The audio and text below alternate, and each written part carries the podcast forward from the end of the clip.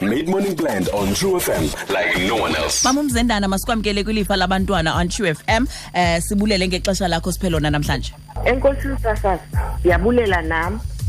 Alright. ngoba ndibona uba kufanelekile uba nam ndibe ndithatha inxaxheba. Nkosi kakhulu ke mamam okokuqala Enkosi mama umzendana.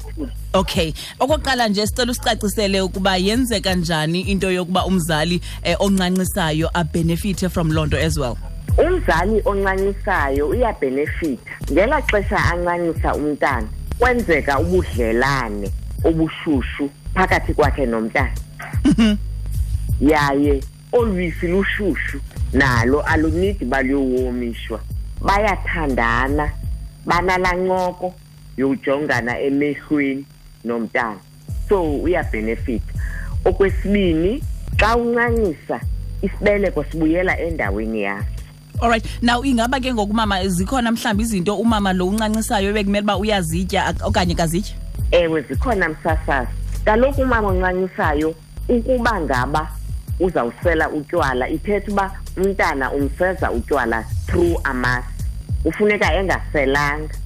Funeka etyile iveji ifruit. Right. Now aba bantu ke ngoku bahlala na- nalo mama yena uncancisayo basondelele kuye mhlambi ifamily nesihlobo zakhe that is are close. Eh, ingaba mhlambi zikhona izinto ekufuneke bezazile ukuncedisa okanye ukusupport umdlezane lo?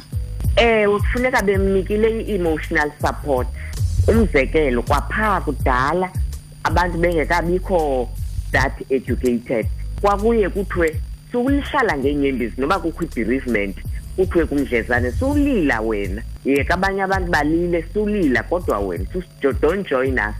Ngoba kaloku u- lo mntana uzawumtyisa this sadness from amasi Alright. Ndifuna ufunda ke umbuzo esiwufumanayo ke mama umzendana. Uyangena eh, uthi ungusiliziwe yena usuke edimbaza uyabuza eh, uthi igama lam ndingusiliziwe. Uthi usandoba nomntana wesithathu. Uthi lo mntana yena wohlukile kwabanye akanalo uthando olu ebenalo ke kwabanye abantwana bakhe. Ibingasi ke asuke ke eh, asethule isikhalo especially xa kukhala lo mntana. Uthi eh, usiliziwe i don't feel like doing anything. Izitya zimdaka indlu yona eh, yimes uthi lo mntana uveske akhale kakhulu ndibe ndidiniwe ndingakwazi tu kumthanda ndimthulise. I'm even struggling to breastfeed eh, lo mntana. Ndingumntu oske wanalo nochuku. Ifamily yam nabantwana bam badikiwe ndim i'm sure. Eh, uthi i really don't know what to do. Ungacebisa uthathini usiziwe uneproblem emotionally njengoba ndimva nje ndingacebisa ke ndithi makasondele kwicandelo lezempilo mm mm. elikufuphi naye. Ayincokole le nto noonesi bapha nee-advisors ngokunjalo. Mm, mm. Uzalufumana uncedo. Okokugqibela ke mamam siza kuyeka ke ngoku uqhubeke nento zakho ngolusuku lwanamhlanje. A few years ago saxelelwa about ih i v saxelelwa phofu ukuba h i v positive woman should not breastfeed um ngoba bangasulela ke abantwana ngale ntsholongwane ye-h i v. At that time the department of health um yayidla ngonika oomama ubisi oluthengwayo. Abanye abantu um basayikholelwa loo nto. Sicela usicacisele ukuba ithini kanye kanye inyani yayisenzeka msasazi loo nto kodwa into eyadiscourajayo yile ufumanisa uba abantu bethu endaweni yoba olubisi balifumana ekliniki balisebenzise emntwaneni bayaluthengisa so beyayekwa ke ngoku loo nto.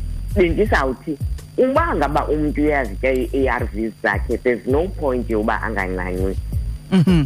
inkosi ke msasazi. Alright enkosi kakhulu ke mama. Ndiyabulela. masibulele ngexesha lakho siphelona namhlanje. Thank you so much. Find us online. Stream live on truefm.co.za. Uphinde usimamela kwi DStv channel 816. True FM ifumaneka kulo lonke eli like no one else.